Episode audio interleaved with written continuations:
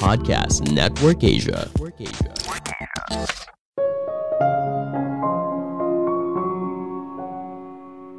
Ide radikal awalnya dianggap sebagai utopia, hingga akhirnya dunia siap menerimanya dan menjadi bagian dalam kehidupan sehari-hari. Halo semuanya, nama saya Michael. Selamat datang di podcast saya, Sikutu Buku. Kali ini saya akan bahas buku Utopia for Realist karya Roger Bregman. Sebelum kita mulai, buat kalian yang mau support podcast ini agar terus berkarya, caranya gampang banget. Kalian cukup klik follow. Dukungan kalian membantu banget supaya kita bisa rutin posting dan bersama-sama belajar di podcast ini.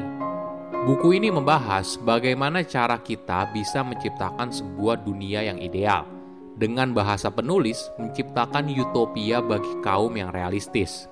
Kita hidup dalam budaya di mana kita didorong untuk menghabiskan uang sebanyak-banyaknya demi sesuatu yang tidak kita butuhkan untuk membuat orang yang tidak suka jadi terkesan. Lalu kita menangis dan menyesal. Ini adalah realita yang kita hadapi sekarang. Penulis menawarkan beberapa ide yang dianggap ambisius dan radikal namun semua ide besar awalnya juga dianggap sebagai utopia. Misalnya sebelum tahun 1865, tentunya tidak ada yang menyangka kalau perbudakan akan dihapus di Amerika Serikat. Selama ribuan tahun, perbudakan dianggap sebagai hal yang normal. Namun ketika zaman berubah, maka ide baru juga bisa diadopsi. Ide yang tidak realistis dan tidak masuk akal mungkin saja menjadi jawaban untuk menciptakan dunia yang ideal. Saya merangkumnya menjadi tiga hal penting dari buku ini. Pertama, uang gratis untuk semua orang. Salah satu ide populer di abad ke-21 adalah Universal Basic Income. Jadi, ini merupakan konsep di mana pemerintah memberikan secara cuma-cuma sejumlah uang kepada setiap penduduk sebagai pengganti penghasilan yang hilang atau sebagai tambahan penghasilan. Penerapan konsep ini merupakan antisipasi perkembangan teknologi yang memungkinkan penggunaan robot pengganti manusia sebagai tenaga kerja di berbagai bidang. Ide ini semakin populer apalagi sejak terjadi pandemi COVID-19.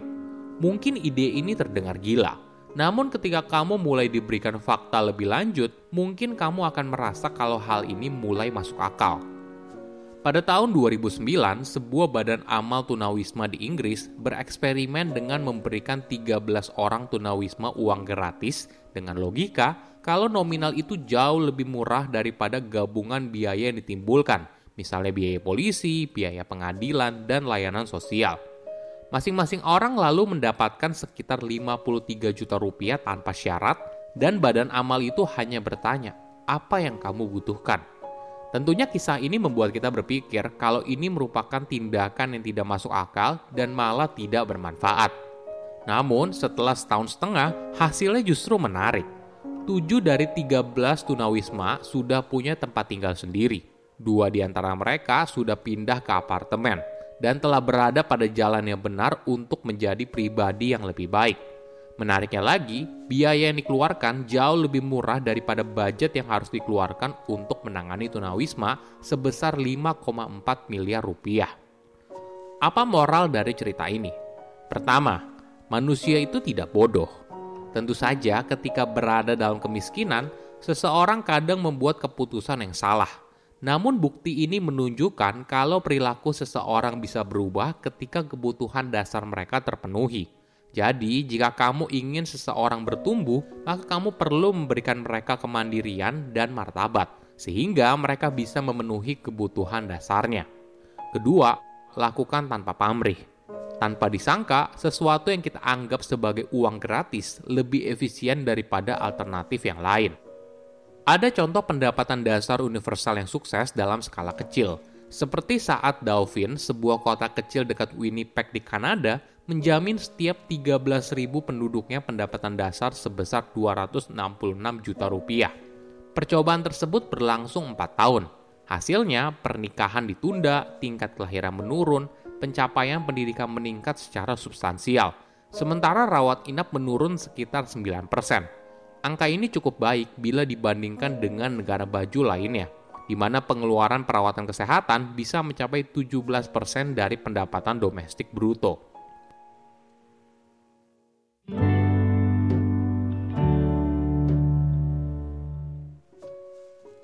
Kedua, bekerja lebih singkat. 15 jam bekerja. Salah satu pemikir kapitalis terkenal dunia bernama John Maynard Keynes punya pandangan kalau produktivitas akan meningkat apabila seseorang tidak bekerja lebih dari 15 jam seminggu. Artinya, seseorang hanya bekerja selama 3 jam seminggu selama 5 hari. Kenapa? Menurut John, pada tahun 2030, mesin akan menjadi semakin canggih, dan manusia pada masa itu bisa mendedikasikan waktunya untuk mencapai hidup yang bahagia dan menjadi pembelajar. Bapak pendiri Amerika Serikat Ben Franklin juga punya prediksi kalau di masa depan manusia hanya bekerja selama 4 jam per hari. Saya rasa tren ini akan terlihat nyata. Apalagi ditambah pandemi COVID-19, kita mulai melihat bekerja dari perspektif yang baru. Misalnya yang dulunya kita tidak pernah menyangka bisa bekerja dari rumah, kini bekerja dari rumah merupakan sebuah kenormalan yang baru.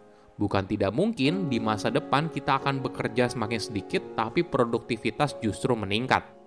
Misalnya begini, ketika analis di Amerika Serikat bertanya kepada orang-orang apakah mereka lebih suka mendapatkan kompensasi tambahan senilai dua minggu gaji atau tambahan dua minggu cuti. Dua kali lipat memilih untuk mendapatkan tambahan dua minggu cuti. Terlebih lagi, bekerja dalam waktu yang lebih pendek juga memberikan banyak manfaat seperti mengurangi potensi kecelakaan di tempat kerja, mengurangi rasa cemas, dan sebagainya. Menariknya, negara dengan jam kerja yang lebih pendek justru bisa meningkatkan kesetaraan gender. Loh, kok bisa? Ketika pria bekerja dalam waktu yang lebih pendek, maka mereka bisa ikut mengerjakan pekerjaan rumah yang biasanya hanya diserahkan kepada wanita.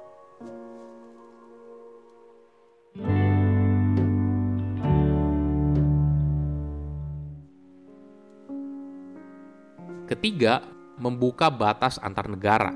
Ide paling utopia dari penulis adalah pembukaan berbatasan negara. Idenya agar tidak ada lagi batas antar negara. Tentunya hal ini sulit dicerna oleh banyak orang. Apalagi sejak kejatuhan ekonomi di Amerika Serikat pada tahun 2008, adanya ketidakcocokan antara warga Amerika dan imigran pendatang. Warga Amerika menuduh kalau imigran membuat mereka kesulitan mendapatkan pekerjaan, Sebelum Perang Dunia Pertama, perbatasan antar negara kebanyakan hanya seperti sebuah garis di atas peta. Paspor masih jarang ditemui dan negara yang mengeluarkannya justru dianggap tidak beradab. Namun di era sekarang, batas antar negara menjadi sesuatu yang wajar. Penulis berargumen, cara terbaik untuk membantu warga kurang mampu dari negara yang kurang berkembang adalah dengan memberikan mereka akses ke negara yang berkembang. Dia berpendapat cara ini bisa menaikkan taraf hidup warga tersebut, serta membuat mereka dan kita jadi lebih kaya. Kenapa? Cara ini dianggap lebih efektif dibandingkan bantuan internasional yang sering kali diberikan oleh negara berkembang. Miliaran dolar yang diberikan belum tentu bermanfaat bagi warga yang membutuhkan, malah justru punya potensi besar untuk dikorupsi dan menguntungkan segelintir pihak. Tentunya sebuah ide di mana kita memberikan akses sebesar-besarnya kepada para imigran untuk datang dan tinggal di sebuah negara memang sulit diterima untuk saat ini. Oke, apa kesimpulannya? Pertama, memberikan uang gratis kepada semua orang. Jadi, ini merupakan konsep di mana pemerintah memberikan secara cuma-cuma sejumlah uang kepada setiap penduduk sebagai pengganti penghasilan yang hilang atau sebagai tambahan penghasilan. Ketika kebutuhan dasar seseorang terpenuhi, maka perilakunya juga berubah. Kedua, bekerja lebih singkat. Di masa depan, waktu kerja kita akan semakin pendek.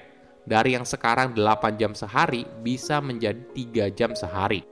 Bekerja dalam waktu yang lebih pendek juga memberikan banyak manfaat, seperti mengurangi potensi kecelakaan di tempat kerja, mengurangi rasa cemas, dan sebagainya. Ketiga, membuka batas antar negara. Ide ini memang sulit diterima, namun penulis berargumen cara ini dianggap lebih efektif ketimbang bantuan internasional yang sering kali diberikan oleh negara berkembang. Miliaran dolar yang diberikan belum tentu bermanfaat bagi warga yang membutuhkan, malah justru punya potensi besar untuk dikorupsi dan menguntungkan segelintir pihak. Saya undur diri, jangan lupa follow podcast Sikutu Buku. Bye-bye.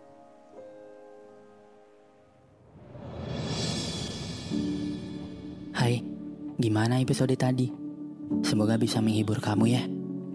Kalau kamu masih mau dengerin sesuatu yang singkat tentang rahasia hati, perasaan, hingga berbagai pengalaman yang aku atau kamu juga mungkin pernah mengalaminya.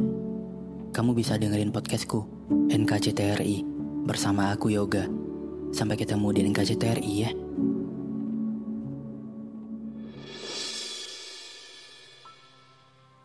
Pandangan dan opini yang disampaikan oleh kreator podcast, host, dan tamu tidak mencerminkan kebijakan resmi dan bagian dari podcast Network Asia. Setiap konten yang disampaikan mereka di dalam podcast adalah opini mereka sendiri dan tidak bermaksud untuk merugikan agama, grup etnik, perkumpulan, organisasi, perusahaan, perorangan, atau siapa pun dan apa pun.